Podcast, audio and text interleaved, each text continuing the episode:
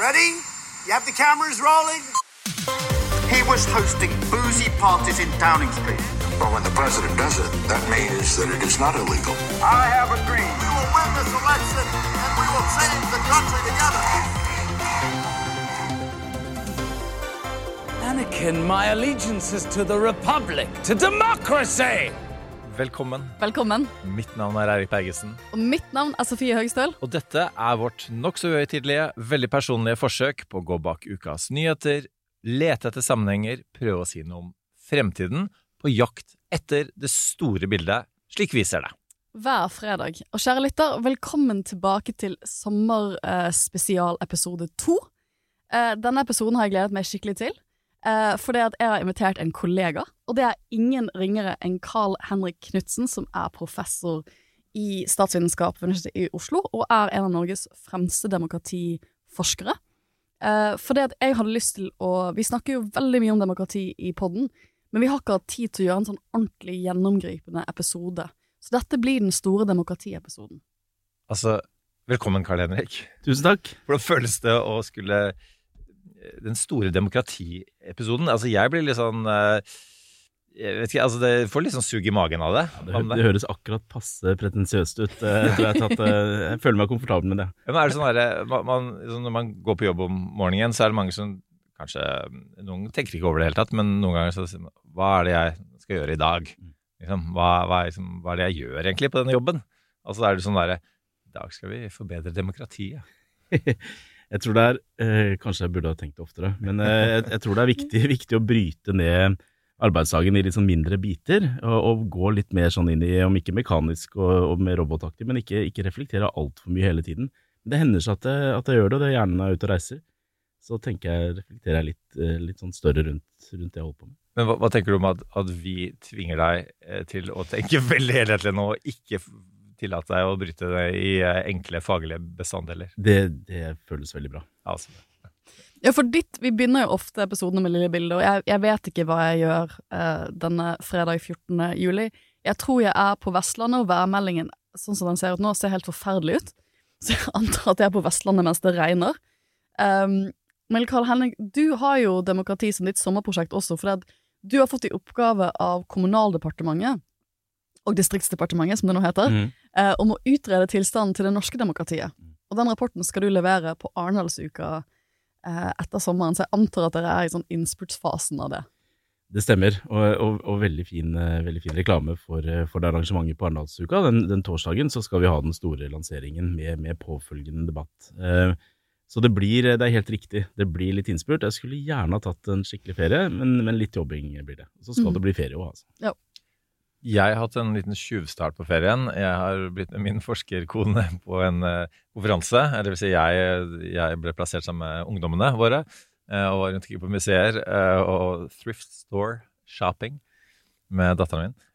Så, men så en sånn demokratiting jeg tenkte på da, på flyplassen på vei tilbake, det var um, Le Monde hadde sånn ganske tjukk egentlig sånn bilag med sånn status for i realiteten demokratiet, da, men status for ulike områder i samfunnet. på en måte Levekår, alt mulig som definerer de ulike uh, områdene i Frankrike. Og da tenkte jeg to ting. Én, så bra at de gjør det. Det burde norske media også gjort. Kan ikke se at noen har gjort det så helhetlig.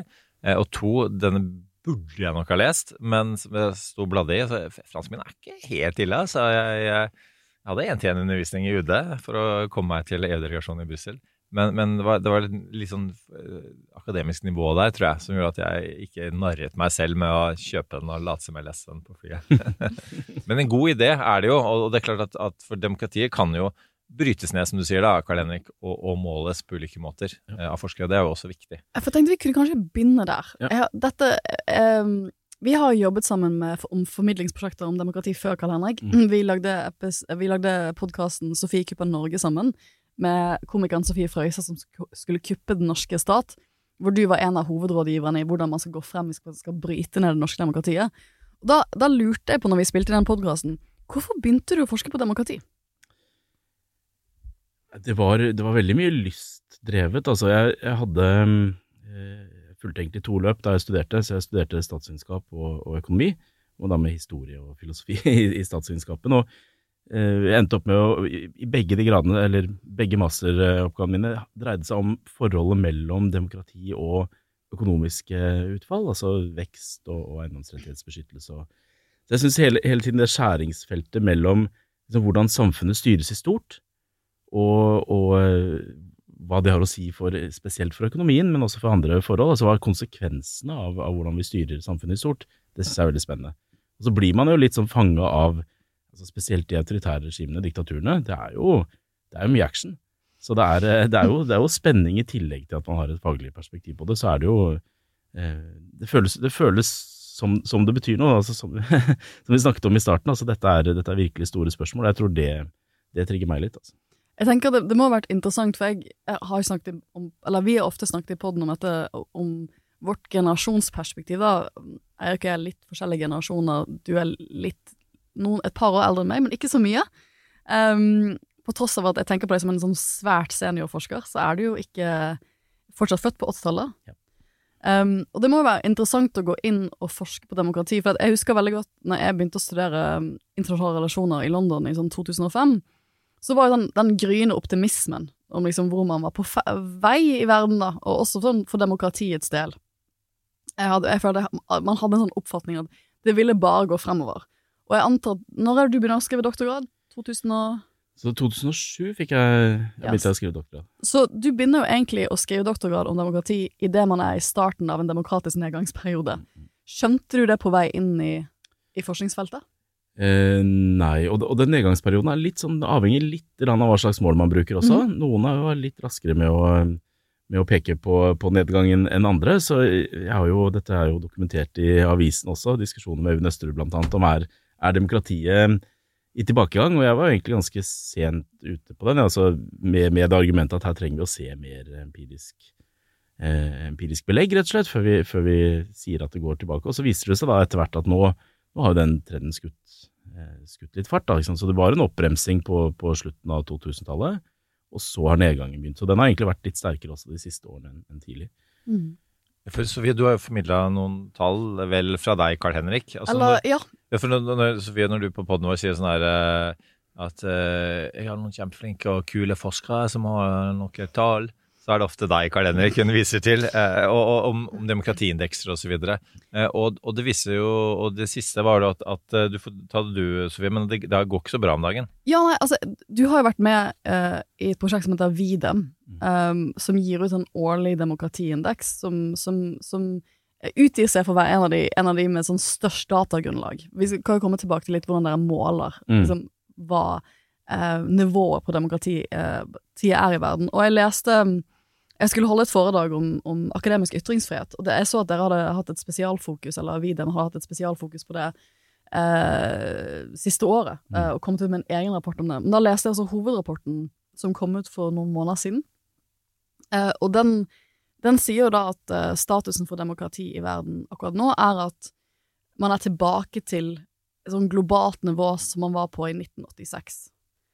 Men jeg skjønner at du ikke er helt enig i, i den målingen det må presiseres eh, litt. Så, så, først, altså Videm er, er eh, det største demokratidataprosjektet som finnes. Og det er mange demokratiforskere fra forskjellige land i verden som har gått sammen da, for, å, eh, for å måle demokrati. Eller forskjellige, så V-en står, står, for varieties. Mm. Så den måler forskjellige varianter av demokrati, så ulike demokratidefinisjoner. Så der finnes det mange, mange mål. Og den rapporten er da skrevet av eh, forskere i Gøteborg, hvor vi har liksom hovedsenteret eh, for VDMR, så det er instituttet. Men det er da en, eh, en, en gruppe av forskere internt da i, i VDM, så jeg er ikke med på den rapporten. Mm. Så jeg skal ikke ta kreditt for, for mm. den, men datainnsamlingen er, er jeg med på. Mm. Um, så det med 1986-nivå, så uh, det er jo riktig hvis man bruker de tallene som da er uh, satt fram i, i rapporten. Det som er viktig å huske på da, eller å lese med litt sånn det som står i fotnotene, det er at det er befolkningsvekta eh, demokratigjennomsnitt. Og det er faktisk ganske viktig, eh, fordi det er trist nok sånn at det er en del av de store, tunge landene som har opplevd mest nedgang de siste årene. som for eksempel? Som for eksempel India. Spesielt ja. India. Har man 1,4 millioner mennesker og demokratinivået går ned, så er det klart, da går det befolkningsvekta gjennomsnitt i verden ned ganske dramatisk. Så det at India har skiftet, det skifter så mye av befolkningsmassen i verden at det gir mm. veldig, veldig store utslag? Ja, Og det ligger bak veldig mye av den tilbake til 1986-nivå. For det er klart det høres dramatisk ut, dette var under den kalde krigen. Så det er flere ting som har skjedd da, hvis man ser på disse befolkningsvekta indikatorene. Både har du hatt, du har hatt nedgang i en del store, tunge land, altså India, Tyrkia, eh, USA har jo også gått litt ned de siste, siste årene. Um, I tillegg så har du jo hatt befolkningsvekst. altså Det er jo typisk sånn at uh, fattige land har litt høyere befolkningsvekst enn rike land, noen ganger betydelig mye høyere befolkningsvekst. Og de fattige landene er samtidig oftere mer autoritære. Så du får en sånn forskyvning i hvor mange mennesker det er som bor i autoritære og demokratiske land, selv om landene har det samme systemet. Som ikke-akademikeren i studio her, da må jeg bare spørre deg, eh, hvordan, hvordan hvilke variabler, for å bruke et akademisk ord, Mhm.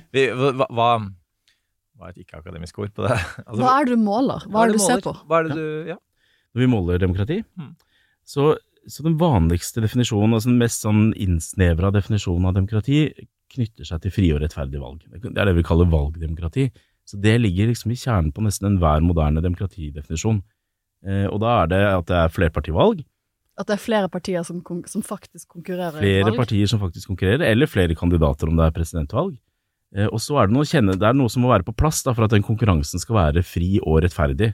Og med fri mener vi da egentlig at alle har lov til å stille, så man ikke kaster opposisjonspolitikere i fengsel på korrupsjonsanklager rett før valg og sånne ting. Eh, lar partier få lov til å stille. Og med rettferdig så er det eh, alt som gjør at man eh, jevner ut konkurranseforholdene. Sånn at ikke noen eh, må spille fotball eh, i oppoverbakke, som er en sånn tynnslitt, mye brukt metafor.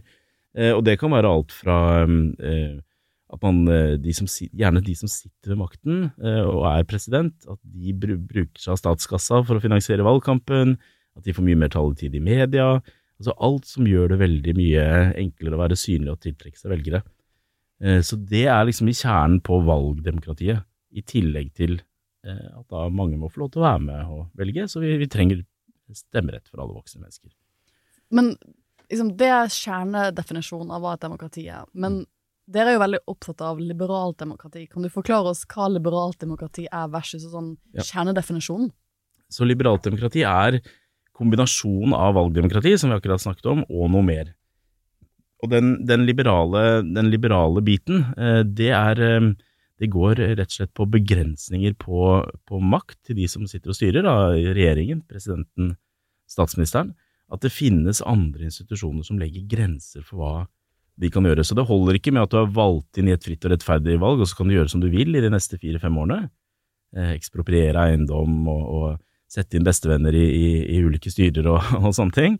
Eh, her må det være grenser på hva man kan gjøre. Eh, og I tillegg til det, og det, det henger litt sammen, så er det en del rettigheter, altså beskyttelse av eh, flere rettigheter, altså sivile rettigheter av ulike slag. da. Ytringsfrihet.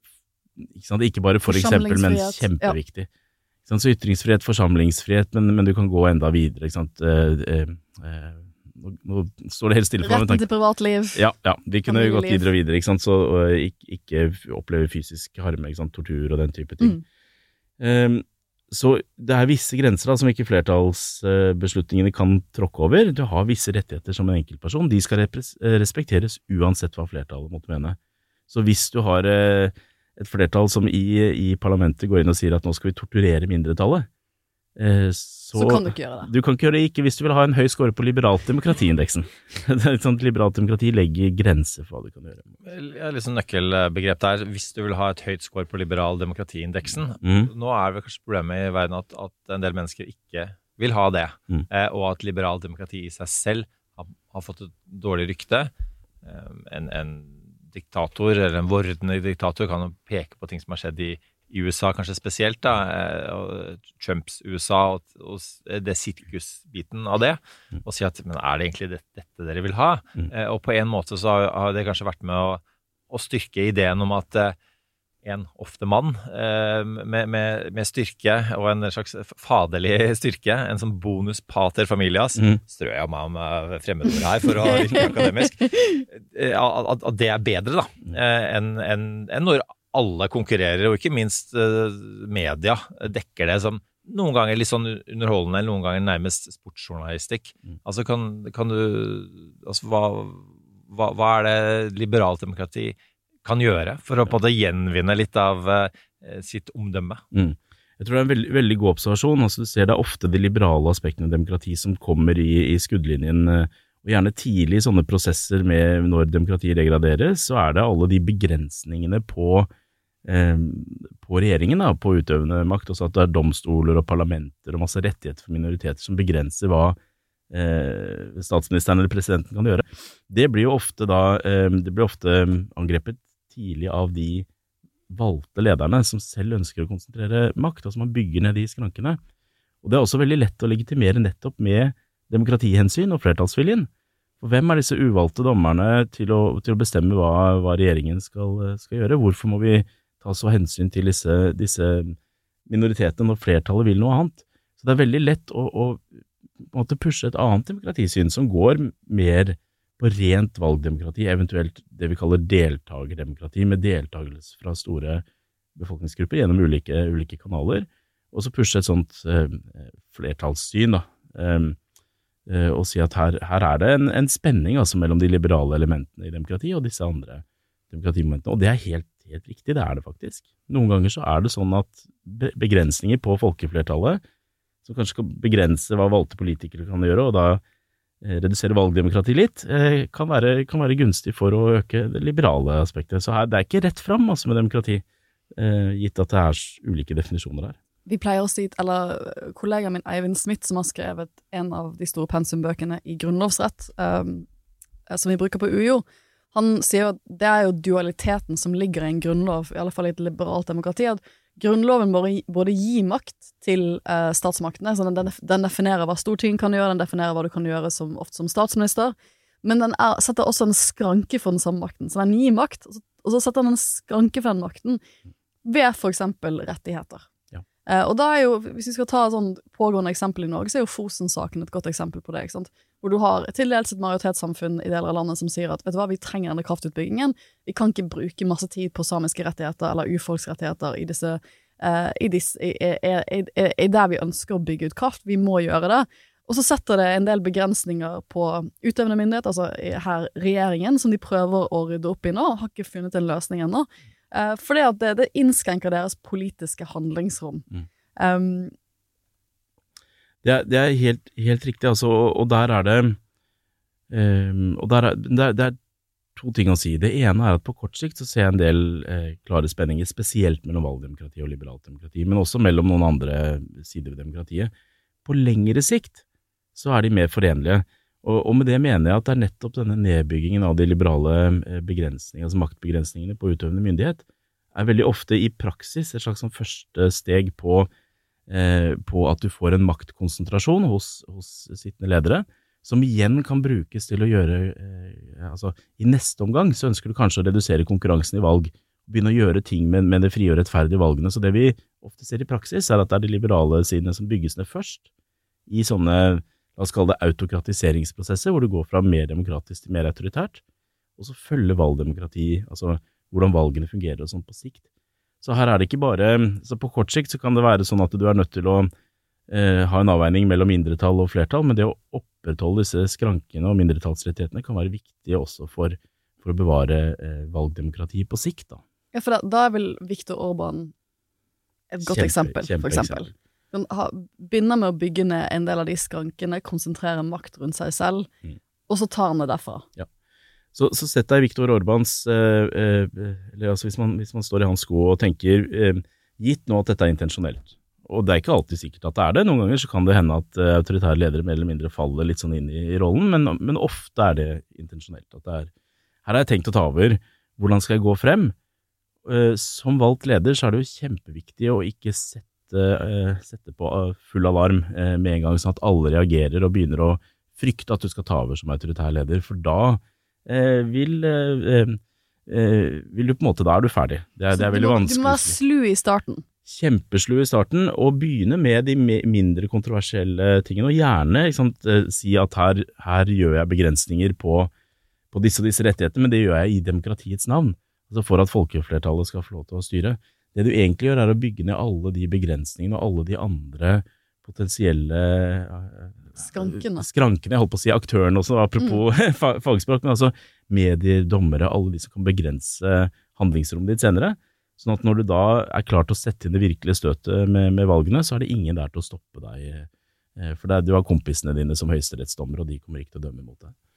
Ja, og, og, og i den prosessen da, med å eh, bygge ned disse skrankene, så, så handler det vel også som må på en måte da eh, fjerne legitimiteten til, til media, ikke minst, som, som jeg da representerer her i dette studioet, eh, og, og, og domstolene, som, som du vet en hel del om, eh, Sofie, som jurist. Og, og, og det er vel få steder man ser på en måte klare eksempler på det da, enn en USA, som vi var inne på i stad, og, og det, det Trump gjør. ikke sant, Og, og det er jo eh, et, et flertall eh, i befolkningen som dessverre som, som har manglende tillit til media, så er det et flertall blant republikanerne som mener at, at det, er, det er gått så langt at media er samfunnsfiender. Mm.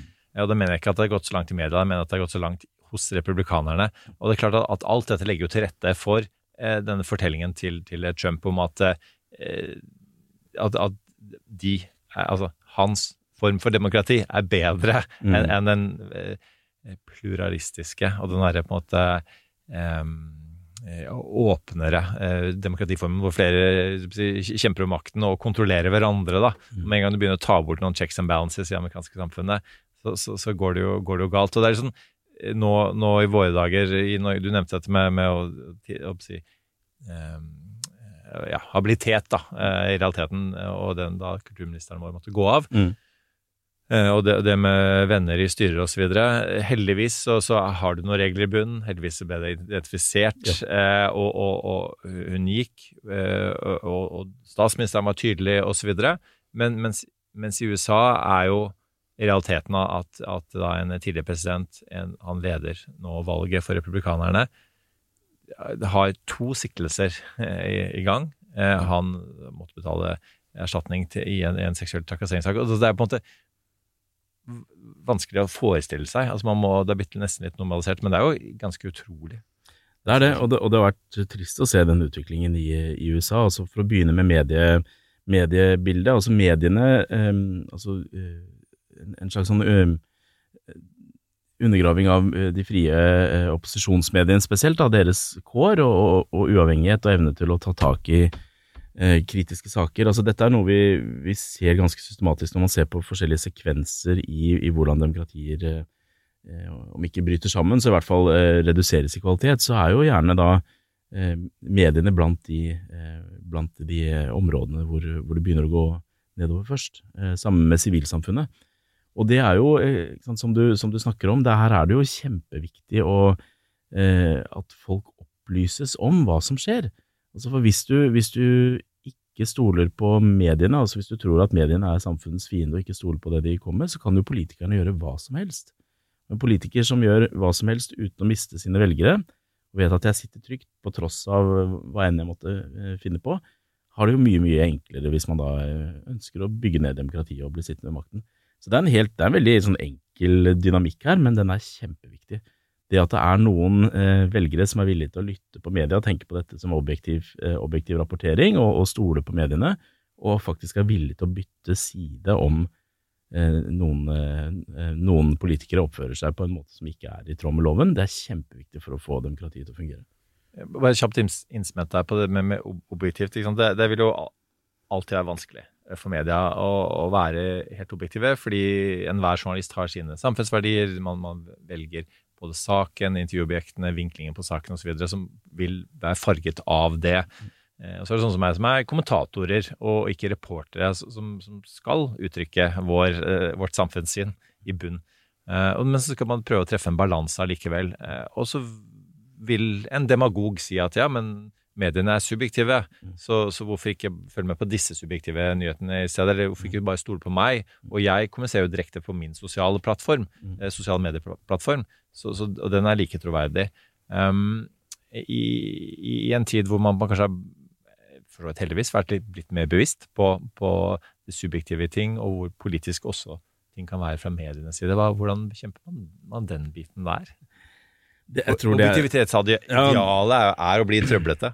Det er eh, et, et av 10 000 kroners spørsmålene, tror jeg. I, eh, og det, det har jo med den teknologiske endringen å gjøre også.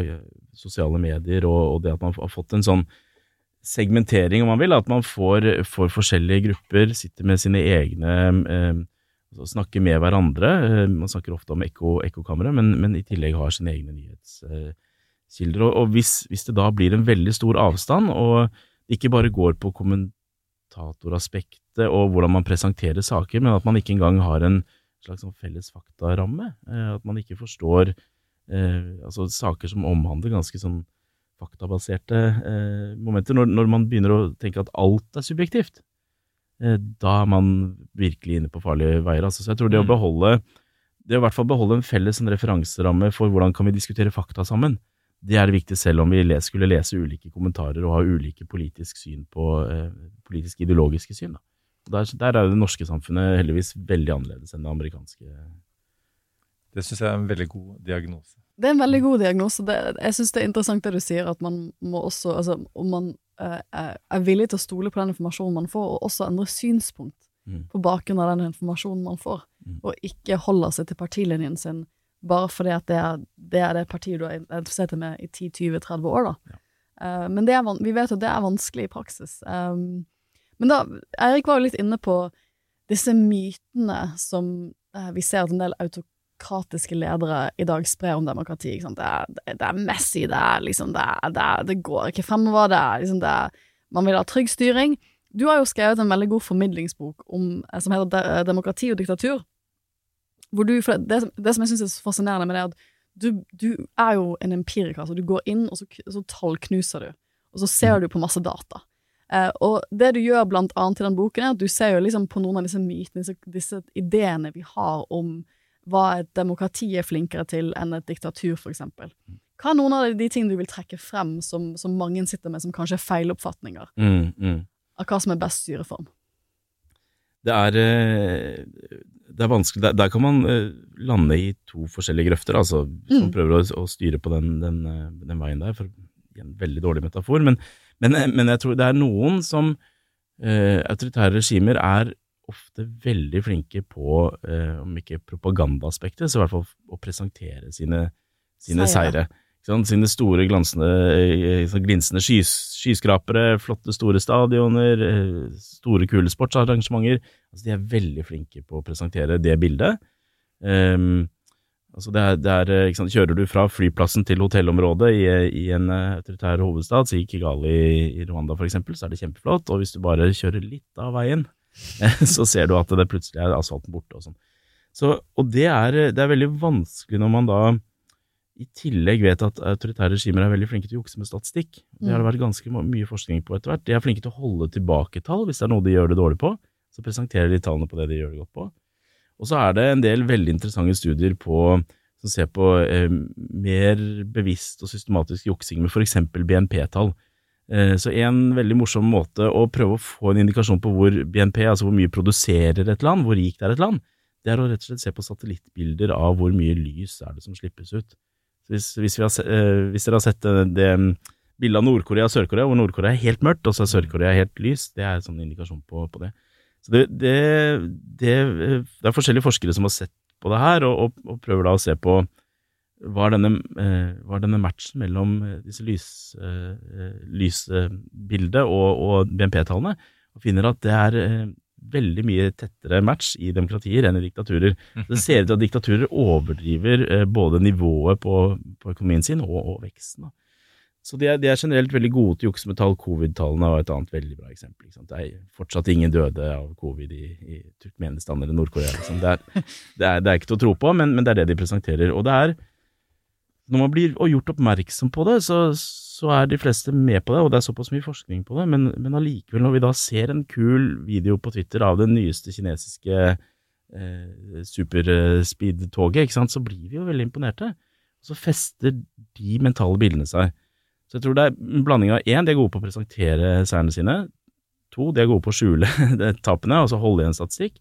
Og tre, det er noe med menneskelig psykologi. Det er at vi er veldig flinke til å huske på de mer ekstreme, eh, ekstreme hendelsene og de mer sånn imponerende tingene, og så glemmer vi på en måte alle de andre stedene hvor det går litt sånn dårligere. Og der viser ulike typer, eh, som du ser på BNP per capita, eller en del andre sånne utfallsmål som utdanning, er det én ting som kjennetegner autoritære regimer, er at de har veldig stor spredning.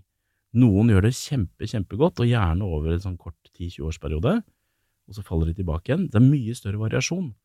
Hvis vi da hele tiden plukker opp hva type Kina i dag gjør, som har gjort det relativt bra i noen tiår, eller Singapore før det, eller eh, Stalin Sovjetunionen før eh, på 1950-tallet, hvor de industrialiserte masse, før det begynte å gå veldig dårlig, så sitter vi igjen med bare liksom, glansbildene, og så glemmer vi den, den bredere fordelingen. Så i snitt på sånne ting som økonomisk vekst, så gjør demokratier det mye bedre. Men variasjonen er mye større i, i autoritære regimer. Så um, det var et, det var et langt, Jo, langt svar. Jeg, jeg syns det er morsomt, for det, det har ofte liksom vært litt av salgspitchen. Jeg pleide å bo i Singapore, Mm. eh, og litt av salgspitchen er jo at eh, hvis, du har lyst på demo, liksom, hvis du har lyst på økonomisk vekst, så er det mer stabilt nå at vi er, et, at, at jeg er allmakten. Mm. At vi fortsetter med et styresekt. Vi kan ikke begynne med å eksperimentere med maktfordeling i befolkningen og demokrati og sånne ting. Mm. For vi, skal, vi skal løfte oss opp økonomisk nå. Så det er veldig interessant det du sier, for det tror jeg er en sånn myte folk har, da, at Ja. eh, hvis du ønsker å sikre økonomisk vekst, så er det kanskje best å ikke begynne å demokratisere for mye i begynnelsen, iallfall. Ja, det var egentlig mitt poeng også, Sofia. Altså det, er dette med at eh, altså, eh, gode demagoger da, er, er jo flinke til, og det gjelder jo på all for så vidt politisk retorikk, at du skal Vil du ha A eller B? Mm. Og her må du ta et valg, og så er det jo eh, Så er det ikke så ty tydelig. Eh, og det er jo litt eh, trikset. At du skal, du skal tvinge noen til, til å velge ofte et, sånn- et, et usannsynlig dilemma. Og, og her er det jo ofte da Altså, vil du ha demokratisk vekst, eller vil du ha økonomisk vekst? Mm, mm. Og så tar vi den demokratiske veksten etterpå. Ja. Um, og så er det jo ikke alltid det som skjer, da. Eller egentlig nesten aldri. Nei, det er veldig sjelden i hvert fall, og, i hvert fall over, over lange tidsperioder. Nå faktisk Singapore er kanskje det beste unntaket, altså hvor de faktisk har holdt en relativt høy økonomisk vekst over lang, lang tid. Men det som det er klart det er en del ting autoritære regimer kan gjøre, og som er veldig synlige, og, og som alle også da biter seg merke i. De er veldig mye flinkere til å måtte kjøre De har færre folk som har mulighet til å legge ned veto hvis de ønsker å realisere et stort prosjekt. Mm. Så hvis jeg vil bygge en svær dam i Kina og kaste ut to millioner mennesker fra, fra landsbyene sine og elektrifisere, så kan jeg gjøre det. I Norge så hadde det antagelig ikke vunnet gjenvalg hvis du hadde prøvd det i et demokrati. Du kan eh, dure på å, bygge, en, eh, bygge et sykehus på to dager og bare omdirigere alle eh, Eller det var kanskje ikke to dager Kina bygget på i Wuhan, men det var ikke mer enn eh, to uker i hvert fall. Sånn at ved å omdirigere masse ressurser. Så de er veldig gode på å eh, måtte få i stand store investeringer raskt. Det er de bedre på enn demokratier. Ja, det, jeg, har, jeg har en sånn morsom anekdote om dette som jeg, jeg ikke vet om jeg har sagt i poden før. Hvis jeg har det, så beklager jeg. Men det, jeg, jeg pleide jo å bo i Singapore. Der fikk vi besøk Sist jeg bodde der, som var sånn 2008, 2009, 2010, så jobbet moren min på Innovasjon Norge, og da fikk man jo norske delegasjoner på besøk. Og da fikk vi en, eh, eh, en fyr som hadde, har vært, liksom, vært på Stortinget og vært minister for så vidt i den norske regjering. Og han fortalte en veldig morsom historie om forskjellen mellom Singapore og Norge, da. Og det var at han eh, i sin tid var med, skulle sitte i det første utvalget som skulle se på hvor Norge skulle ha en ny hovedflyplass i Oslo. Mm. Eh, og sitter dette utvalget og, og, og så ja, liksom utreder ting og får inn forslag, og så bestemmer de seg for å reise på studietur til Singapore. For mm. Singapore har jo verdens beste flyplass. Eh, og de reiser på studietur, og det er så fint, og Changi Airport, som er flyplassen i Singapore, superfint, koser seg. Så reiser de tilbake igjen, og så er jo det norske demokratiet? Det er jo en det er masse interessegrupper, det er ting skjer, og så blir de, de blir lagt ned. Og så gjenoppnevner da Stortinget en ny gruppe som skal finne ut hvor vi skal ha flyplass i Norge.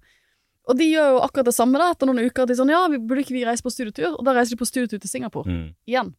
Uh, og når de kommer til Singapore, så går de rundt, så går han rundt på flyplassen, så sa han til meg liksom går rundt på flyplassen og sånn, men dette er ikke det stedet jeg var på sist. Hvor, hvor er jeg nå? Og da skjønner han at i den tidsperioden hvor Norge da har nedlagt en sånt utvalg, og så gjenopprettet det med litt av de samme personene, så har Singapore bare bygget uh, Changi Airport Terminal 3, Mm. som var en helt flunkende ny flyterminal, Liksom. Fordi de har ikke den type beslutningsprosesser.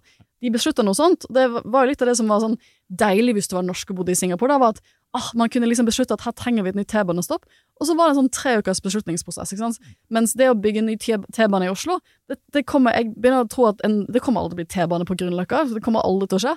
For det, det, de beslutningsprosessene tar jo så lang tid. Nei, og, og det er helt, helt riktig, og det er, veldig, det er noe som er veldig lett å bite seg merke i, og, og så generalisere ut fra det. Men jeg tror det viktige da eh, er å tenke i, i revers. Så hva er det som sikrer at ikke politikerne kan kjøre over bredere folkeinteresser og implementere skikkelig, skikkelig dårlig økonomisk politikk? Altså jeg har kjørt på motorveier i, i, i diktaturer som plutselig åpner seg en firefeltsvei, og så er du på vei til residensen til, til Suharto. Liksom. Det bor ingen andre der. Så all den type dårlig politikk blir også stoppet i demokratier. Det at du får den der lange prosessen med mange involverte, gjør for det første at du, du slipper sånne svære hvite elefanter, som det heter, altså store investeringsprosjekter som, som er ulønnsomme, men også at politikken blir mer stabil. For det du ofte ser i autoritære regimer, er at plutselig kan det være noen som har interesse av å eh, flotte seg på eh, i, i internasjonale fora, si vi har kjempehøy utvikling og fremstille seg selv som en sånn utviklingstype.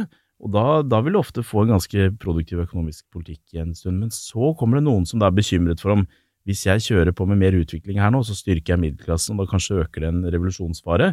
Så her vil jeg bremse.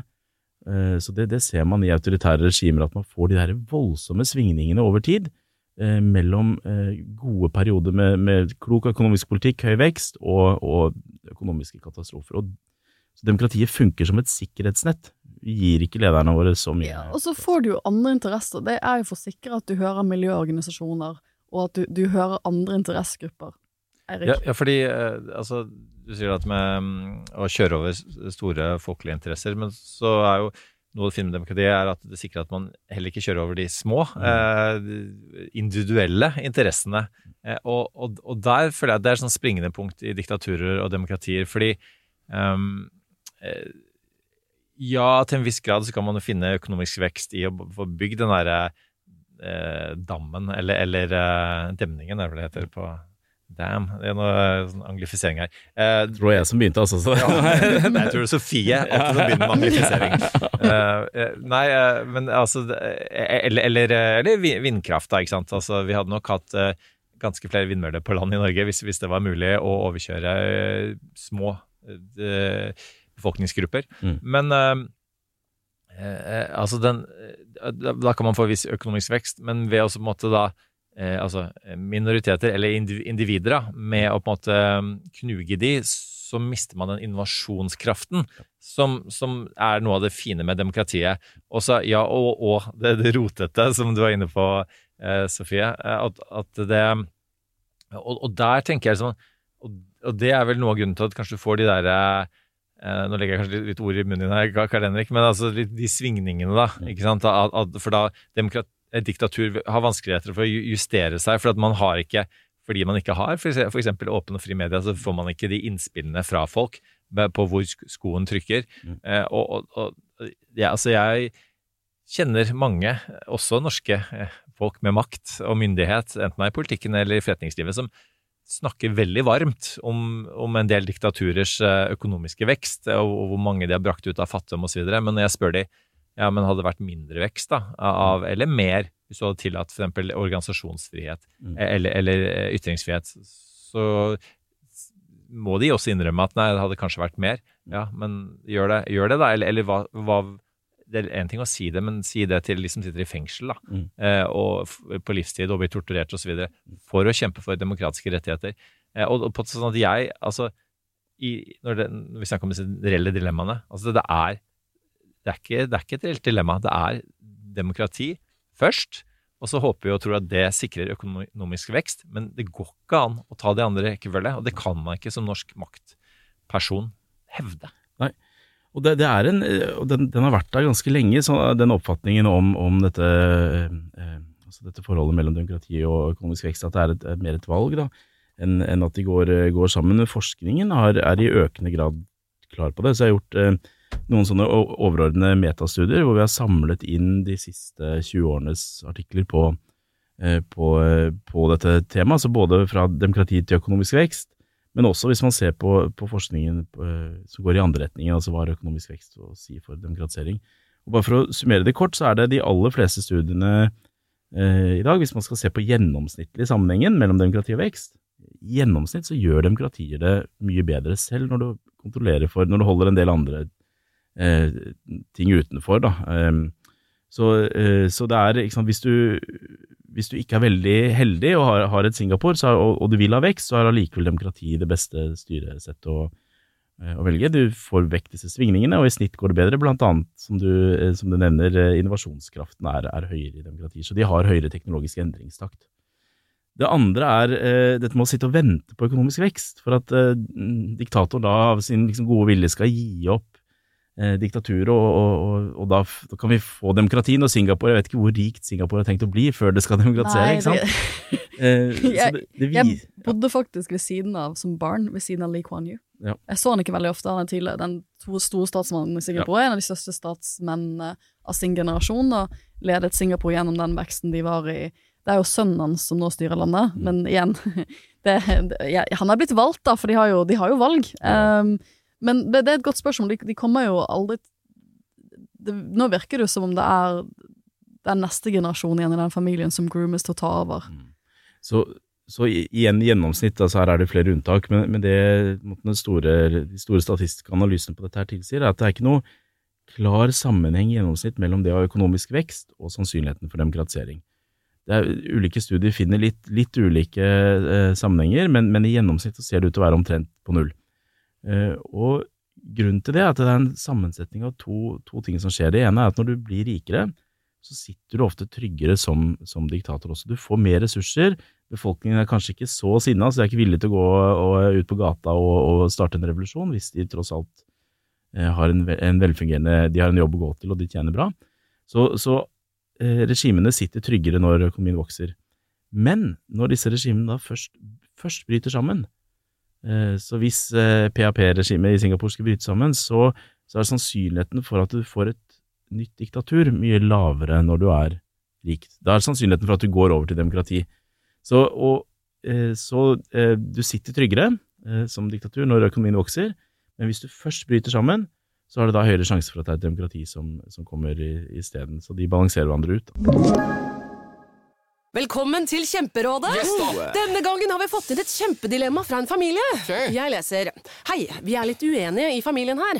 Hvis du skulle vært et dyr, ville du hatt gjeller eller vinger? Oi, den er tricky. Ja, Hva ville dere hatt, da? Altså, jeg vet ikke, men Med familierabatt får de ubegrenset data fra Telenor fra 399 kroner. Da kan de jo scrolle seg til svaret, rett og slett. Ja, ok, Men for min del Ja. gjeller. Nei, nei, Nei. nei, vinger. Nei, nei, gjeller. Ja, okay, ja, Kjempebra. Men eh, se nye mobilabonnement på telenor.no, da. Sektoralarm presenterer Barn som lyver om nøkler. Jeg var ute og spilte fotball med gutta, da, og så la jeg nøkkelen i gresset, og så kom det en struts, da, eller en flamingo eller noe sånt, og bare tok nøkkelen, og så ble han borte bare, nøklene og strutsen, eller spurven. Sikkert. Uansett, akkurat nå har Sektoralarm kampanje på boligalarm og dørlås med kode istedenfor nøkler, slik at barna alltid kommer hjem til en trygg bolig. Les mer på sektoralarm.no. Nå skal jeg bygge en bro her, for uh, du skrev en kronikk sammen med en annen eh, god kollega, i, professor i statsvitenskap, Tore Wig, som vi også må ha på podden på et eller annet, et eller annet tidspunkt. Uh, dere skrev en kronikk i VG i fjor som, med tittelen 'Putin kan falle'. Og vi spiller jo inn denne episoden et par dager etter dette mulige kuppforsøket i Russland. For nå snakker vi jo om liksom, indikatorer på hvordan du kan bli sittende hvis du er diktator. Sånn, du, du, du må være slu i starten, særlig hvis du blir folkevalgt. Da, du, da må du være slu når du begynner med å um, jobbe ned forskjell, forskjellige demokratiske hindre for å styrke deg selv uh, og bli sittende. Uh, og så, som du sier, det er bra hvis det blir økonomisk vekst, for da sitter du litt tryggere. Uh, men dere har jo da gått ut og sagt at Putin kan falle, det gjorde dere i fjor. Kan du fortelle oss litt, hva, hva tenkte du når du så bildene fra Moskva i helgen? Det var jo først og fremst en veldig usikker situasjon på alle måter. Eh, Jeg var på konferanse, men, eh, så jeg hadde presentasjoner og sånn på morgenen dagen etterpå, men jeg klarte ikke å la være å, å sjekke Twitter hver, hver time. Altså jeg var oppe og eh, liksom våkna opp og svetta. Og, for det var, det var mye som, som skjedde, og det er dramatisk, og det er vanskelig å vite hva, hva utfallet, utfallet er. Men uh, dette her er det jo det er jo ganske mye historikk på dette. Vi kan tenke tilbake til, til murens fall og Sovjetunionens fall. altså Veldig mange autoritære regimer blir jo betrakta som kjempestabile, og, man tenker at de skal være der til evig tid, helt til de faller. Mm. Så skjer ting veldig brått. Altså, vi er ganske dårlige til å tenke rundt sannsynligheter, vi vi mennesker. Altså at det er eh, Det er ingen som vet om Putin sitter om ett år, men vi vet eh, Vi kan jo med trygghet si at den sannsynligheten for at han sitter, den er ikke én. Den er ikke null heller, den er et eller annet sted imellom. Ehm, så, men det er vanskelig å se for seg endring, tror jeg, før, før den skjer. Så det er, eller det skjer noe sånn Ja, dramatisk. det, da, sånn virker så konstant. Eller Ja. han, han, men det er jo litt av det du Da er vi tilbake til den propagandaen. Han fremstiller seg selv Yes. som en slags konstant. At det er vanskelig å se for seg at han ikke er der om ti år. Ja. Og så er det, eh, det er klart hvis du da er eh, enten om det er en elite, om du er en elitegruppe, altså om det er en eh, bedriftseier, eller om du er en general i, i Russland, så er det klart at du har jo ikke noen insentiver til å gå ut og kreve hodet til Putin på et sølvfat før alle andre gjør det. Altså Ingen har lyst til å, å komme med, med sine, eh, sin misnøye og, og, og prøve å velte et regime alene, sånn at det virker veldig stabilt, fordi det er et slags sånn koordineringsspill.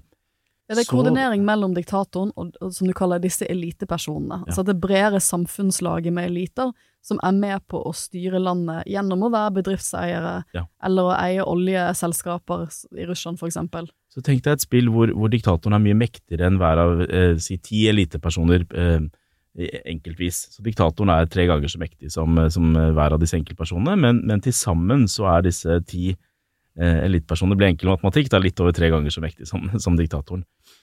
Det, det er klart at hvis ja, de ti elitepersonene går sammen og koordinerer, så kan de kaste diktatoren.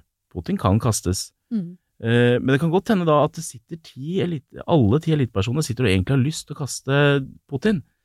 Men så lenge ikke de kan snakke sammen høyt, for da kan de bli drept, falle ut av et vindu, Det, komme i fengsel. skjer jo hele tiden i Russland. Det, det gjør det.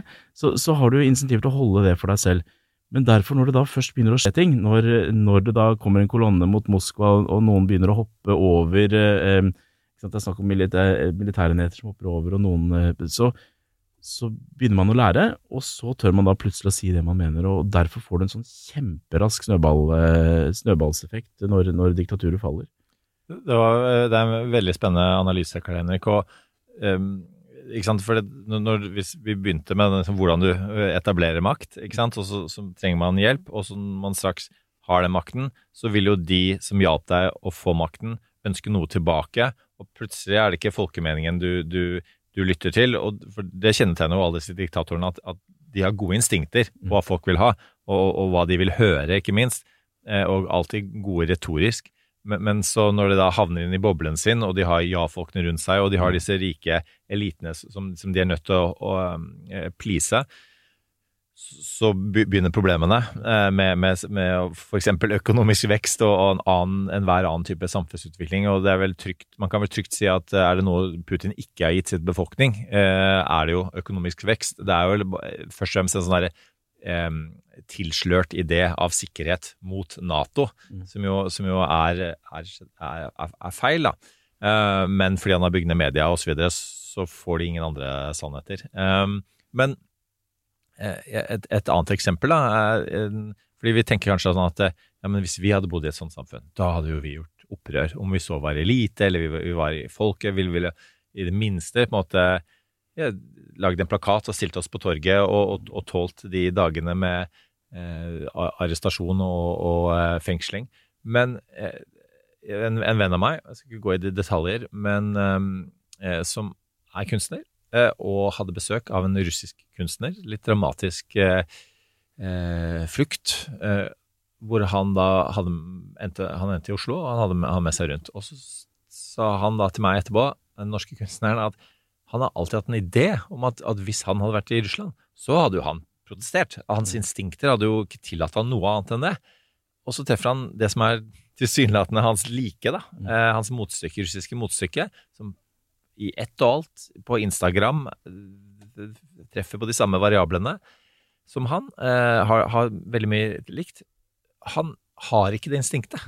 Fordi han og alle andre, eh, som han oppfatter det, i Russland, de tilpasser seg det systemet. For som du sier, Karl Henrik, de vil ikke bli drept. Eh, og, de, og de har eh, vanskelig å vite hva andre tenker og føler, og, og de vet jo ikke, hvis de sier hva de tenker og føler, hvem som kommer til å angi de, og det kan være folk dypt inn i familien. Og da får du en mekanisme hvor bare alle eh, altså, improviserer nærmest på bakgrunn av det, det eh, diktaturet som er, de, de, og de sikrer ikke minst det beste for seg og familien. Mm. Og det også er jo veldig forståelig. Mm. Og da er det ingen som tar det første steget, eller når noen tar det første steget, kanskje tar det andre steget. Og det er først noen lengre steg ned at, at ting virkelig begynner å ramle sammen. Hva tenker du om det, Billy? Jeg tenker at, eh, at eh, vennen din høres jo eh, ek eksepsjonell ut da. Jeg tror altså selv i Selv de som er veldig opptatt av demokrati, og som tenker på det, jobber med det altså hvis, hvis man er i en sånn situasjon som, som det i Russland i dag, så er det fryktelig vanskelig for de aller, aller fleste å, å stikke ut uh, hodet sitt og, og protestere. Altså. Så noen gjør det jo åpenbart, uh? Som, som, uh, som vennen din. Og nå gjenstår det å se, hvis han da hadde vært der, hadde han faktisk gjort det. Jeg tror det er litt vanskelig å vite før vi er i den situasjonen. Men det er noen mennesker som, som er villige til å ofre seg for, for, for frihet og, og, rettigheter. De fleste av oss er såpass egeninteresserte at vi tenker på familie, helse, liv, eh, jobben, altså eh, sånne ting. Eh, så har man det tilleggsmomentet da, med, med Russland, at man har blitt passivisert. Det har vært mye snakk om hvordan eh, Putin-regimet har prøvd å ta politikken ut av hverdagslivet til folk, og ha en slags sånn pakt hvor man det har vært mye snakk om blant annet at man unngår da å mobilisere til hæren også, fordi man har en slags sånn stilltiende pakt om at la oss styre, så skal ikke vi eh, kjøre noe sånn Skal ikke plage dere med spørsmål. Dette er ikke, dette er ikke Sovjetunionen. Altså, her er det om å gjøre å ta liksom, politikken litt ut av, ut av hverdagen. Um, og, og det er klart, hvis du lever i et sånt system, over tid så formes vi av det, så det kan jo godt hende at det også knekker litt sånn motstandsviljen. Det har i hvert fall vært intensjonen, tror jeg, til, Mm. til regimet. Um, men, men det er det å si, da, at det er veldig vanskelig for oss å, uh, å vite om vi faktisk hadde turt å, å, å protestere og være ute i gatene. Jeg tror ikke jeg hadde turt det hvis, ikke, hvis jeg hadde vært alene. Hvis det hadde vært en million andre ute, så hadde jeg da hoppet ut, ikke sant, den snøballseffekten. Altså, jeg, jeg, jeg forsker jo på krigsforbrytelser og, og folkemord, og, og det, det er jo den type forbrytelser som gjerne skjer i et autoritært regime eller, et regi, eller et, en stat som eh, er i oppløsning. Og jeg har alltid tenkt at jeg hadde aldri Jeg skulle ønske at jeg var sånn, men jeg hadde nok aldri protestert. Jeg tror dessverre at hvis jeg hadde vokst opp i Nazi-Tyskland, så hadde jeg vært medlem av Hitlerjungen og hatt masse sånne speidermerker. Det hadde jeg gjort. Det, det, det tror jeg dessverre hadde vært meg. Det var en Eh, knusende dom over deg selv. jo, men for, jeg, jeg tror at uh, A, for det første, du vokser opp uh, uh, Jeg tror at Jeg jobbet på Tusenfryd i ungdomsårene, og gud hva jeg ikke gjorde for å få alle eh, pinsene, for å få en sånn komplett pinssamling, for å vise at jeg, jeg var flinkest på salg, jeg var flinkest på renhold, det liksom sånn, Jeg vet at jeg er veldig lett motiverbart gjennom sånne ting. Eh, Hitlerjungen var jo bare det, det var jo bare Du kan jo ta merker i masse greier. Jeg hadde elsket alle de tingene der. Og så vokser du ikke opp med noe annet. Ikke sant? Jeg tror det er veldig vanskelig å forstå for oss hvordan det er å vokse opp i et sånn type samfunn. Og som Karl Henrik sier, hvor politikk også Du vet at det å gå inn i politikk er eh, Det er et høyrisikospill. Politikk er egentlig ikke noe du skal diskutere i hverdagslivet ditt. Det er noe som regimet skal ta, ta seg av.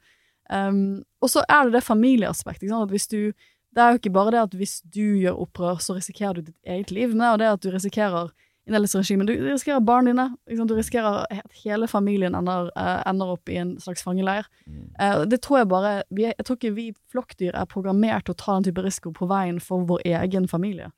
Nord-Korea har per virkelig perfeksjonert eh, Virkelig. det der med hvor det er veldig klare forventninger om at hvis du rømmer til Sør-Korea, så, så sitter familien din Ja, i, i fengsel. fangeleir.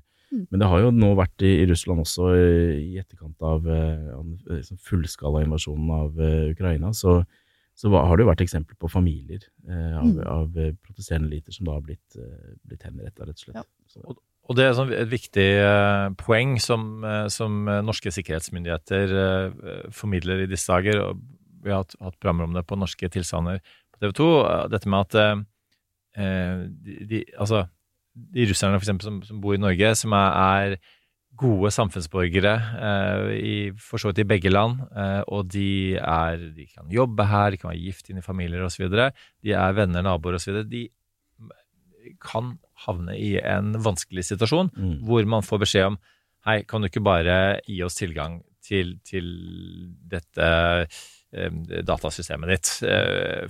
Eh, vi, vi, vi skal ikke bruke det til noe, noe skummelt, slapp av. Men hvis ikke du gjør det, så, så er de og de, de slektningene eh, ille ute. Og du trenger ikke å si noe mer enn at, at du sår den frykten om at de da blir sendt til fronten, og vi ser hva som skjer med de som blir sendt til fronten. Eh, og, og at sikkerhetsmyndighetene da på norsk side sier at eh, vi må passe på å unngå at folk havner i det dilemmaet. For at det er et reelt dilemma, og så må man håpe og tro at folk velger rett. Og det er ikke noen grunn til å tro annet, for det er masse gode russere i Norge. Men, eh, men det der er det, dette er jo det spillet til eh, diktaturene. Ja. Og her er det veldig viktig at, eh, at demokratiske stater vet hva slags spill som, som foregår. Mm. Og man- Når man kan plukke, på en måte, og spesielt eh, eksilgrupper, emigrantgrupper, er ofte veldig sårbare, nettopp pga. at man har familie i hjemlandet og andre koblinger.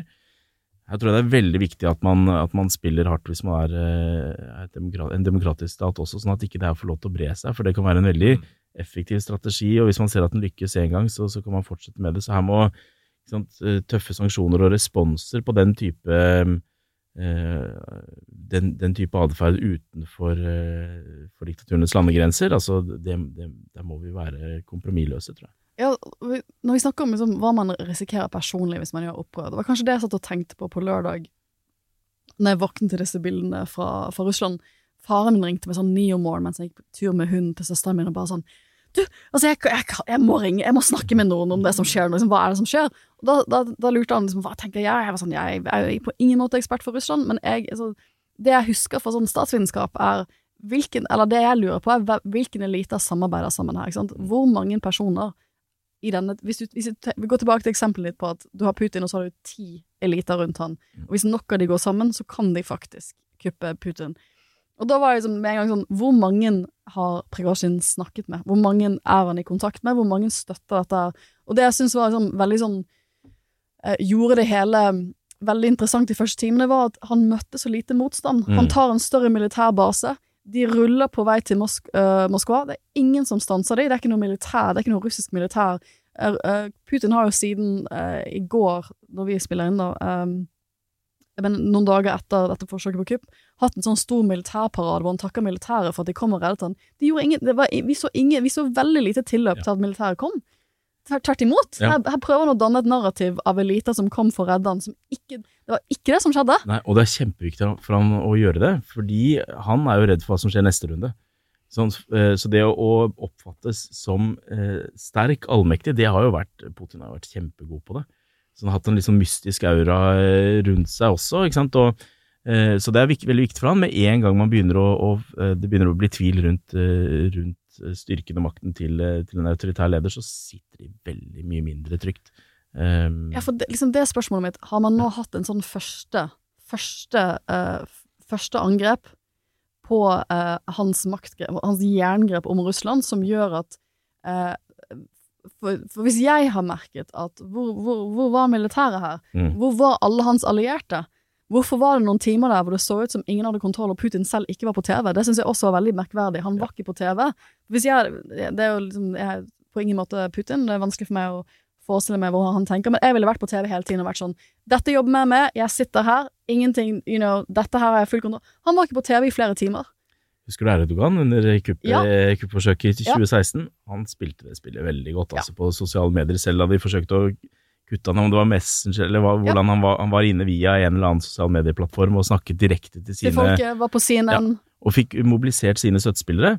For jeg tror det som skjer i en sånn situasjon, jeg, jeg syns det fortsatt er veldig uklart. Eh, Det var jo snakk om enkelte militærenheter som, som byttet side og støttet, eh, støttet Wagner. Jeg syns det fortsatt er veldig uklart hvor mange det var som faktisk støttet opp om det her. Men én ting er klart, det var veldig få som eh, gikk til forsvar for, eh, for Putin, eh, som du sier, Sofie. Jeg tror det, hvis du er litt sånn usikker på hva som kommer til å skje, så får du lov til å sitte på gjerdet, så sitter du på gjerdet.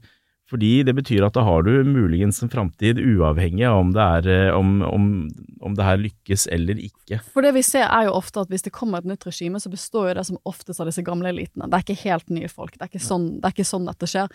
Men, men det er jo litt det jeg syns er interessant, at hvis jeg og mange andre har merket at vent nå litt, hvor er alle ansatte spillere? Hvis du er en av de ti elitene da, som er usikker på hva du har lyst til å gjøre fremover, så merker du også at han ikke har den støtten du trodde han hadde. Og da tenker jeg, da begynner du å leve farlig. Ja. For hvis det er andre som da begynner å snakke sammen, eh, hvis de ser at dette var jo mye lettere enn det jeg trodde det skulle være, Mm. eh, da tenker jeg at da, da risikerer du flere sånne forsøk, da, eller sånne sjokk. Og da begynner, det var jo litt av det poenget i kronikken deres i VG i fjor, da går ting nedover raskt. Da kan ting gå veldig raskt. Jeg tenker akkurat det samme. Sannsynligheten for at, eh, for at Putin sitter neste år, er nå mye mindre enn det den var før, eh, eh, før eh, Altså, jeg vet ikke hva man skal kalle det, om det er et opprør eller altså Det er mye sånn terminologidiskusjon. Var det et kupp, eller var det ikke? Litt sånn avhengig av hvor mange generaler som var med. Men, men uansett så er, svakheten til regimet ble tydeligere for veldig mange.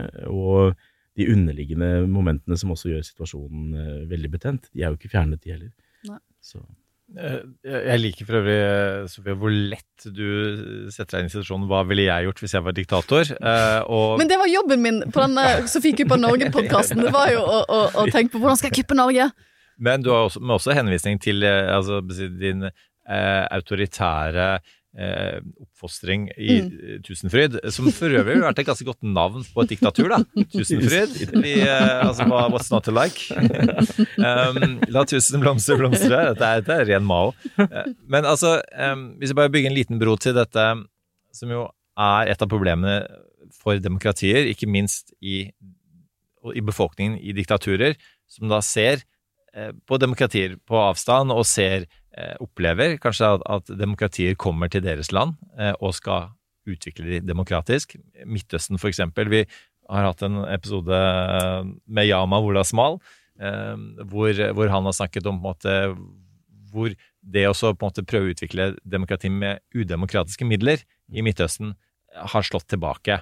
Eh, og, og det bunner vel i at vi er litt naive, eller vi er veldig naive, eh, når vi tror at vi kan eksportere demokrati eh, til samfunn som ikke har vært demokratiske noensinne. Og ideen om at, for sånn er det i moderne samfunn, at det skal gå ganske raskt, eh, at man skal kunne etablere demokratier. Så en av lærdommene er vel eh, i det, minste at det tar veldig lang tid å utvikle demokratier. Og det andre er at det, er en del eh, premisser som må på plass da, for, å få det til. Og ideen om at dette skal Vesten eh, fikse eh, på kort tid, den slår tilbake igjen og igjen og igjen. Um, så hva, hva, tenker du om, måte, om demokratier da, eh, i, i de situasjonene der? Hva er det vi gjør galt når vi, når vi skal prøve å eksportere våre, dette systemet vårt? da? Mm.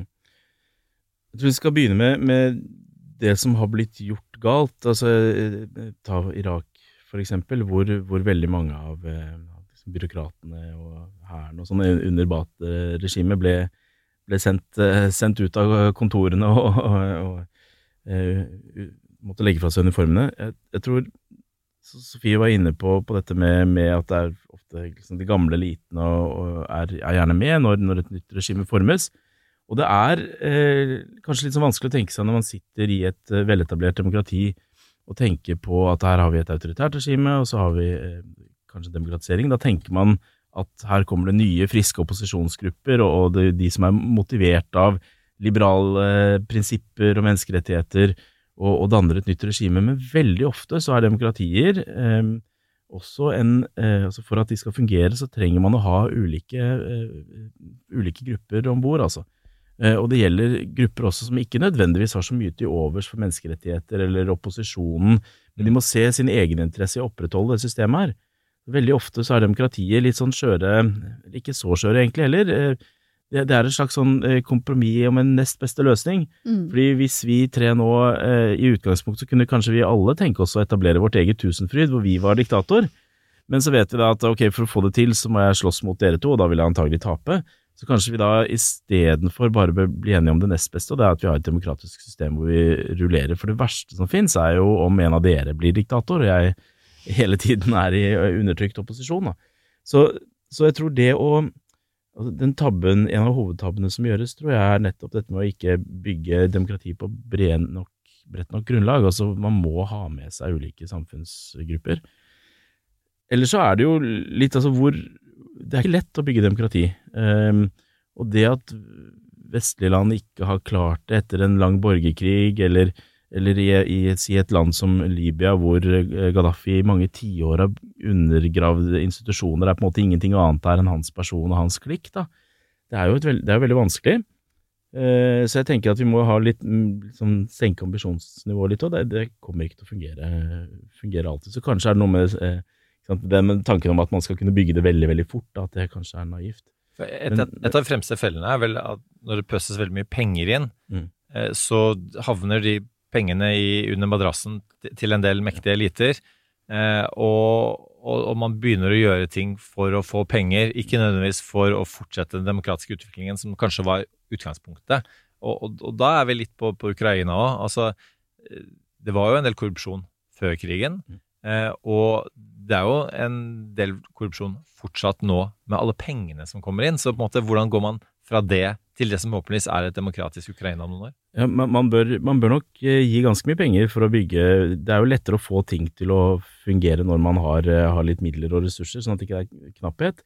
Men det er hvordan man gir dem. ikke sant? Så, du kan ikke akkurat drive New Public Management og, eh, og forvente all verdens bokføring og sånt av ukrainerne i den situasjonen her? ja, kanskje, kanskje man skal drive god New Public Management. Altså, jeg, jeg tenker her er det veldig mye med strukturer og systemer, og at, at man rett og slett eh, ikke må, må komme i en sånn situasjon. Man tenker at her er det noen good guys, og de gir vi penger til, og lar lar dem eh, styre. Så her må det være eh, krav, noe EU eksempel har vært veldig flinke på hele veien her, med, med sånn når, det kommer nye EU-land til, er å hele tiden ha, ta en fot i bakken og se hvordan går det, er det fremskritt på disse og disse indikatorene. Så jeg tror det å, det å følge med og, og stille krav er kjempeviktig. Eh, Det gjelder, nest, det gjelder uansett om det er Ukraina eller andre, andre steder. Og så er det, så det er viktig å også huske på det er lett å tenke på Irak og Afghanistan og alle de gangene det gikk feil. Det har jo gått bra noen ganger også. Ja, Gi oss noen suksesshistorier. Ja, Hvis vi går eh, tilbake i tid, så er Vest-Tyskland og Japan er kjempesuksesshistorier. Italia også, etter andre verdenskrig. Og da ble det investert masse ressurser og sterke bindinger, langt, langt mer ikke sant, enn eksempel Libya. Så her var det da snakk om å gå inn eh, fullt og helt og prøve å bygge, byggesystemer og gjøre det gradvis over mange år. De ligger litt tilbake i tid, men jeg vil si at det er kanskje de, de klareste og tydeligste eksemplene. Og så er det jo eh, jo eh, blanda suksesser i, på Balkan. Eh, eh, man, har, eh, man har jo intervensjoner som i hvert fall har ledet til at brutale diktaturer har forsvunnet ganske greit, som Sierra Leone noen år tilbake. Så, så det, er, eh, det er håp, altså. Det er, det er noen ganger intervensjoner også kan gi, gi gode, gode resultater, men, men det, er, eh, det er jo risikabelt spill, og jeg tror ikke vi skal være blåøyde og tro at det automatisk leder til demokrati. Jeg skal gå, straks gå inn for landing, men jeg, jeg syns jo litt det du sier nå er veldig interessant. For at skal du bygge demokrati, så er det et eller annet med at du må kunne bevare en del av de eksisterende elitegruppene. For hvis du kvitter deg med det helt, så uh, blir det maktvakuum, og så får du ikke alle med. For de er jo tross alt ofte eliter fordi at de representerer visse samfunnslag, altså visse samfunnsgrupper. Så du må liksom få nok av de gamle elitene med på det, mens du må bygge institusjoner sånn at du på sikt sprer makten utover, Mm. utover de. Og det er en veldig vanskelig balansegang. Det er en kjempevanskelig balansegang. Det er en, en fantastisk eh, bok fra 2018 av eh, to statsvitere, Albertus eh, og Menaldo, heter det til etternavn. Så den boka heter Gaming Democracy. Eh, eller rettere sagt, boka husker jeg ikke tittelen på, men artikkelen som, som danna grunnlaget for den boka, blir kalt Gaming Democracy. Og, og hele poenget er at disse elitegruppene, som da, når de får være med og legge grunnlaget for overgangen til demokrati, så eh, setter de opp demokratiet på en slik måte at eh, deres egne interesser blir, eh, blir tjent, tjent ved det. Det kan være å beholde økonomiske privilegier, eksempel, eller ha mye mer politisk makt. Eksempel ved at du sikrer, sikrer valgregler som gjør at, eh, at, at de rikere eh, elitekretsene får, får mye mer representasjon i parlamentet. Altså det finnes hundretalls måter å gjøre det på. Eh, hovedpoenget her er at det gjør jo at demokratiet da får eh, en del støttespillere som kanskje ellers ville ha prøvd å undergrave det og, og gjøre det til et autoritært regime, så at det stabiliserer demokratiet. Men på den annen side så gjør det jo at eh, du får demokratier som ikke fungerer like godt på en del forhold, som for eksempel omfordeling, eller at du får spredt makten utover. Så, så det er en sånn avveining noen ganger mellom det å, å, å være knallhard og gi makten til nye grupper og droppe disse gamle elitegruppene, og kanskje du da får på plass et demokrati som er på en måte renere og, eh, og, som, som fungerer bedre, og som dekker eh, flere andre enn elitenes eh, interesser. Men samtidig så risikerer du da å få elitene mot deg, og, og, og at du da har et demokrati som er mer skjørt. Så det er en veldig vanskelig balansegang. Altså. Vi skal jo, eh, for å gjøre et, nok et temaskifte, så skal jo vi straks ha lokalvalg i Norge. Og du har jo, jeg skal ikke røpe noen forskningsfunn her, jeg gleder meg veldig til å være på lanseringen av rapporten deres i Arendalsuka. Men vi liker jo i Norge å tenke på oss som et av verdens beste demokrati. Vi er jo ofte på toppen av disse indeksene, uavhengig av indeks. Eh, hva, liksom, hva er viktig for at vi skal bevare det norske demokratiet på det nivået der? For vi er et av verdens beste demokratier, nesten uh, uavhengig av hva slags demokratidefinisjoner vi bruker. Altså Vi er litt dårlige på sånn direkte demokrati og folkeavstemninger, så vi har, vi har en del uh, Der vil Sveits uh, knuse oss. Men, men jevnt over, jeg, jeg tror det er et viktig bakteppe å ha med seg når man vurderer eh, det norske demokratiet, er at det fungerer veldig godt, men samtidig så liker statsvitere å tenke på demokrati som et ideal. Det, er, eh, det perfekte demokratiet er det ennå ikke noe land som har opplevd å, å ha. Det er noe vi kan strekke oss mot. Hvis vi tenker på demokrati på den måten, så betyr det at selv et høykvalitetsdemokrati som det norske har litt å gå på. Så da, eh, Vår oppgave med denne tilstandsanalysen er jo da å finne ut eh, på, på, forskjellige dimensjoner hvor er det vi har mest å gå på, hvor har det norske demokratiet klart forbedringspotensialet, og hvor er det vi gjør det relativt bra, og har det eventuelt vært noen endringer. Det kan være vanskelig å oppdage når, når alt går veldig bra, men, men, det er ting som skjer selv om det er relativt stabilt, og liksom hovedoverskriften er at det går veldig bra. Eh, så er det allikevel ting å pirke på, og, og, ting som kan se ut til å gå i, i litt, litt negativ retning. Det blir veldig spennende å se på Arendalsuka. Nå Jeg jeg sitter i hovedprogramstyret nå føler at jeg har plugget Arendalsuka nok i denne episoden. Men ja, det blir veldig spennende. Jeg ser du ler, Eirik. Eh, ja, nei, altså mm, Vi har jo plugget demokratiet veldig godt i denne episoden. her, Det er er en fin ting. Eh, og så er det litt sånn en sånn betraktning som jeg gjør meg, da, i og med at man, eller vi begge, Sofie, det er derfor vi gjør det store bildet. Vi skal ha mange hatter på oss samtidig. Men, men når jeg sitter i en sånn medieredaksjon med alle disse hattene, eh, og og ikke minst denne gamle byråkrathatten, hvor man skal prøve å få demokratiet til å funke, og litt den der det stille byråkratiet, forvaltning osv., alle de tingene som man ikke tenker på. Mm. Eh, alle de hullene i asfalten som skal fylles på natta når folk sover, og ting som, alt som funker uten at man helt er klar over at det funker, eller mm. er verdsetter at det funker, og noen faktisk har gjort noe med. Et eller annet forvaltningsorgan på et lavt kommunalt nivå har fiksa dette, og alle de tingene til sammen er demokratiet. Um, noen ganger så, så, kan media på en måte være så opptatt av, og det skal man være, selvfølgelig korrupsjon eh, eh, Konflikt. konflikt, krise. Mm. Eh, alle de gangene demokrati ikke funker. Og så er det alle de gangene demokratiet funker, at man sjelden rapporterer. Man rapporterer om det, det, det fly, flykrasjet den ene gangen, eller de, de, flere gangene, men ikke alle de veldig veldig mange gangene det flyr retter og lander eh, på tide. Eh, men og, det, kan det være litt frustrerende for uh, dere demokratiforskere, at, at kanskje til og med media ikke verdsetter nok alle disse små eh, tannhjulene, da, ja. Eh, som må funke. Jeg syns det var vakkert, eh, vakkert sagt. Og, og det er, eh, men, men, men, jeg vil bare altså en, en, nyanse der er at vi demokratiforskere er ofte ikke så gode på det, vi heller. Altså jeg tror det er noe grunnleggende menneskelig. Vi er også veldig flinke til å peke på problemer og forbedringspotensial, skandaler, kriser. Så Statsvitere er veldig glad i å studere kriser. Mm. Så glemmer man de gangene det går godt, eller de dimensjonene som, som, hvor det går bra. Og jeg tror spesielt i et demokrati som det norske, hvor så mye fungerer så godt, så er det, eh, så er det enda lettere å se kontrasten da, når man får, eh, får skandaler. Så, eh, og spesielt denne pluggen for, for det norske byråkratiet det er kjempe, kjempegodt. Altså De som klager på det norske byråkratiet, og det er jo fort å gjøre, for vi merker alle de gangene det ikke funker, og vi må vente litt lenger på pass og sånn. Men det å prøve seg i et annet land, eller, eller, eventuelt prøve seg på noen gamle skjemaer, gå tilbake fra eh, måten eh, vi sender inn ting på nett på og sånn, og vi har et av verdens mest effektive byråkratier. Så selv om vi kan klage, så, så, er det mye, mye verre andre steder. Det er en alternativ måte å se det på. Ja, og det, nå er det jo, Mens vi prater nå, så er det mange som er på ferie rundt omkring i verden. og, og, og eh, sikkert kommer til å legge ut mange fine bilder på Instagram av, av utsikt, av, av mat, øh, av, av ja, varme og en del av tingene som, som, ikke vi har nok av i Norge, i hvert fall. Eh, og så legger de ikke ut de gangene de skal, skal prøve å få eh, leiebil som, som, avtalt.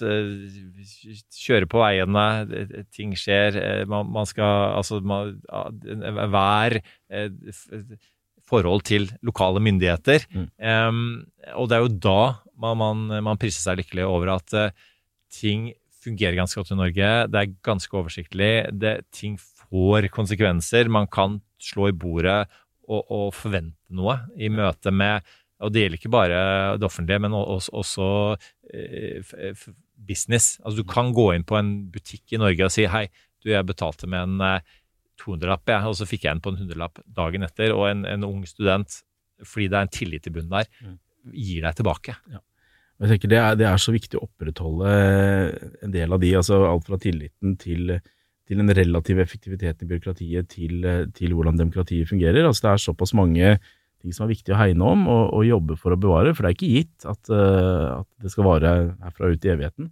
Og så er det, sant, samtidig så hvis vi klarer å ha to tanker i hodet på en gang, vi har det veldig bra, og så skal vi ikke slå oss helt til ro med det, for det er fortsatt grupper som er underrepresenterte. Det er ting vi kan gjøre for å forbedre hvordan det norske demokratiet eh, fungerer, og det fins korrupsjonsskandaler, og det fins korrupsjon, så, så hvis vi kan klare å være liksom fornøyde med det nivået vi, vi, vi tross alt er på, men samtidig strekke oss for å forbedre dette her enda, enda mer i framtiden, så tenker jeg da, da bør vi være virkelig fornøyde. Jeg likte den relativt effektivitet i byråkratiet. Ja. Den skal jeg ha på en T-skjorte. Jeg skal selge til mine gamle venner i byråkratiet. Tjene masse penger på. Nei, men, men det, jeg, liker det du sier at, at det er Jeg føler at det er en del som men Av og til snakker man om demokrati som det er en endestasjon. At du kjører bilen opp til en endestasjon, så parkerer du den, så bare går du ut av bilen og bare sånn 'Jeg er fremme. Alt er fint. Dette blir kjempebra.' Og, og sånn er det ikke. For jeg føler, i alle fall selv det jeg ofte tenker på, at demokrati krever noe av oss. Og demokrati er utfordrende, for, rett opp, nettopp fordi at vi skal dele makt med resten av samfunnet vårt. Eh, og vi er ikke alltid enige med resten av samfunnet vårt. Eh, og det, den, den balansegangen der med, med at vi ofte må si oss mest fornøyd med nest beste løsning, for da får alle litt, ikke sant? Eh, demokrati er jo bare en annen styringsform og en annen måte å fordele makt i samfunnet på, eh, som fordrer at vi deltar, vi setter oss inn i politikken, em, og at vi av og til stiller til valg, hvis, vi, hvis vi har lyst til å delta så direkte i demokratiet vårt. Det krever noe av oss. Og det betyr at vi eh, på den ene siden skal være veldig stolte av det vi har, men vi være, det er ikke en endestasjon. sant? Hvis vi tror at det er en endestasjon, da tenker at det er da man kommer litt i trøbbel, for da, da gjør, er man ikke For meg er demokratiet noe som i aller høyeste grad er levende, og som må fortsette å svømme videre for å holde seg frisk.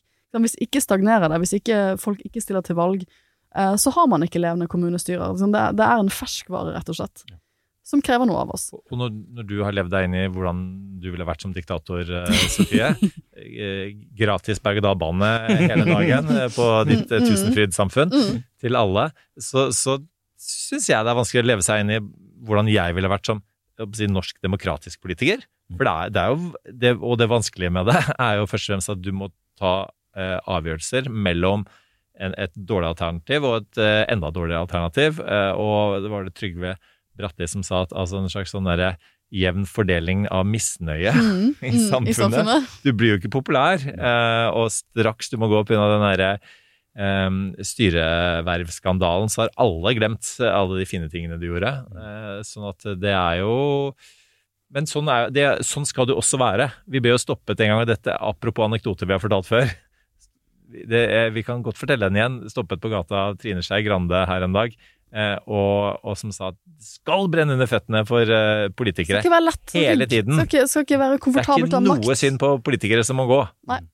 Så Så får de det ofte en sjanse til. Eh, Det er jo også ja. fint. Altså Enten om det er fire, fire nye år ved, altså ved neste, neste valg, da, eh, eller om det er at man kan ha en karriere utenfor eh, politikken. Så det at, det at politikerne våre har liksom gode alternativmuligheter, tenker jeg også er viktig. Eh, Da kan, da kan det være greit å gå av, eh, hvis du, hvis du vet at det, på en måte, det er ikke livet og familien din henger eh, på, en måte ikke på det på, på samme måte som i en del andre systemer. Og så må du si unnskyld på den rette måten. Ja, det er viktig. Ordentlig. Ordentlig unnskyld, ikke en sånn omveier og halvveisunnskyldninger. Da kan du kanskje komme tilbake. Vi skal snakke mer om demokrati i fjerde episode, siste sommerepisode nå, for da skal vi gjøre en hel liten spesial. I alle episoder. I alle Og det er det jeg syns er så deilig. Ja. Og for å ta den lille poenget der, at, at i, media, hvor man skal snakke om alt som går galt, så er det faktisk veldig, veldig deilig å kunne snakke om eh, alt som går bra, eller det som burde ha gått bra, og bare sett den store demokratiepisoden, hvis jeg hadde kommet til redaksjonen i TV 2 eh, og sagt at du, vi skal ikke ha om den store demokratiepisoden i dag, da, og fortelle om alt som går bra i samfunnet, så ville de sett veldig, veldig rart på meg. Og igjen, det det er noe, håper jeg vi har understreket nok, det er noe av det fine med, det, med mediene også. Men det er også noe å finne med podkaster, at vi får lov til å sitte Mm. så lenge og prate med deg, Karl Henrik, om dette store, viktige temaet. Så tusen takk for at du, du Ja. var med oss. Vi skal jo selvfølgelig runde av med ukens anbefalinger ukens òg. eh. Vi skal skvise den sitronen så mye vi kan. Absolutt. Demokratisitron, Dem- demokrati, apropos ja. eh, rare metaforer.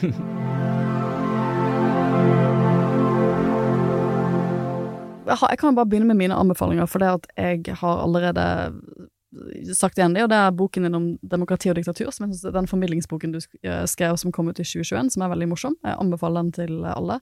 Jeg føler at Harald Eie og en del andre Jeg har sett, en del av poengene plukket opp av en del andre aktører som snakker om demokrati i media, så det er veldig, veldig morsomt. Eh, og så ikke minst denne tilstandsrapporten om det norske demokratiet. For igjen, jeg sa jo at jeg mener at demokrati det krever noe av oss. Det krever en viss eh, At vi, er, vi holder oss på et visst informasjonsnivå, at vi holder oss informerte, og at vi deltar i demokratiet vårt. Og da tror vi alle skal bruke litt tid på å eh, i alle fall skjønne hovedlinjene i det som er rapporten deres, om hva er forbedringspotensialet, hva er vi flinke på, og hva er forbedringspotensialet til det norske demokratiet. Så det gleder jeg meg veldig til. Tusen takk, Sofie. Jeg skal rette opp og skrive på den nå på Blindern etter at vi er ferdig. Men hva, vi, vi utfordrer deg før du kom. Hva er dine anbefalinger? Ja. Jeg hører mye på podkast. det passer jo fint her. Jeg er også veldig glad i podkastformatet. Og en historiker som har eh, en fantastisk evne til å formidle, formidle historie, er Mike Duncan. Mm. Han har to podkaster. The History of Rome, som er kjempelang, ikke sant? mange hundre episoder. Og en som heter Revolutions, eh, som da begynner med, Storbritannia på 1600-tallet og går liksom helt, helt frem da, til moderne revolusjoner. Spesielt denne Revolutions-podkasten for de som da er interessert i moderne demokratiutvikling. Altså Vi har jo en del, vi har snakket litt om kupp og eliter som er med på å styre overganger og sånn. Mens en del demokratier har jo da også kommet på plass via svære revolusjoner. Ikke sant? 1848 Eh, vi har nyere eh, Og vi har eh, revolusjoner som har brakt på plass store diktaturer, som, som 1917 i, i, i Russland, Sovjetunionen. Så det er, det er rett og slett eh, en lang podkastserie som da heter Revolutions av Mike Duncan. Eh, som er eh, både veldig godt fortalt og, og historisk veldig, veldig bra. Og, og som også tar opp de store demokrati- og samfunnsspørsmålene. Kjempegodt eh, forslag. Det skal jeg høre på når det regner på Vestlandet. Jeg er også veldig imponert over at man har to podkaster, og har to podkaster som er så grundige og overgripende. Eh, Jeg har, Vi har jo gjentatt eh, noen anekdoter i denne episoden. og skal jeg gjenta et tips. Eh, Og det er altså vår venn Moses Naim, 'The Revenge of Power', som har undertittelen 'How Autocrats Are Reinventing Politics for the 21st Century'. Eh, Og, og det er altså da en eh, Han er fra Venezuela. Han var eh, statsråd der i sin tid, eh, før Chávez, og han har vært eh, redaktør i Foreign Affairs også, eh, og er en, en, eh, en god tenker rundt demokrati. Og eh, noe av det vi har vært inne på nå i dag, altså hvordan på en måte demokrati er på en måte så et så bra konsept, da, og fortsatt så salgbart konsept, at mye av trikset til autokratene er at de later som de er demokratiske. Sant? De later som de har frie valg, de later som at pressen er, er fri, osv. Og, og den, det er et veldig godt innblikk i det, og veldig godt innblikk i på en måte hvor man ser Ser, ser hvordan eh, de slekter på hverandre og samarbeider direkte, enten det er en, en eh, ja, en, en Berlusconi, en, en Chávez, eh, en Putin, og de demokratene da, som, som vi tross alt har i Vesten som, som en Trump, men bruker, og folk bak han i band sånn, bruker triksene da, eh, til autokrater. Sånn at det, den er, det er kjempefint overblikk. Og med det så går vi inn for landing. Tusen takk for at du kom hit, Karl Henrik, og ga oss det store demokratibildet. Jeg føler meg mer informert enn da vi begynte samtalen vår. Det er jo poenget med disse sommerskoleaktige sommerepisodene våre. Det er jo endelig få tid til å gå ned og dypdykke i temaer vi bryr oss om. Så tusen takk for Og at at du kom. vi lærer. Ja, Takk for en kjempebra samtale, og takk for at jeg fikk komme. ja, bare hyggelig.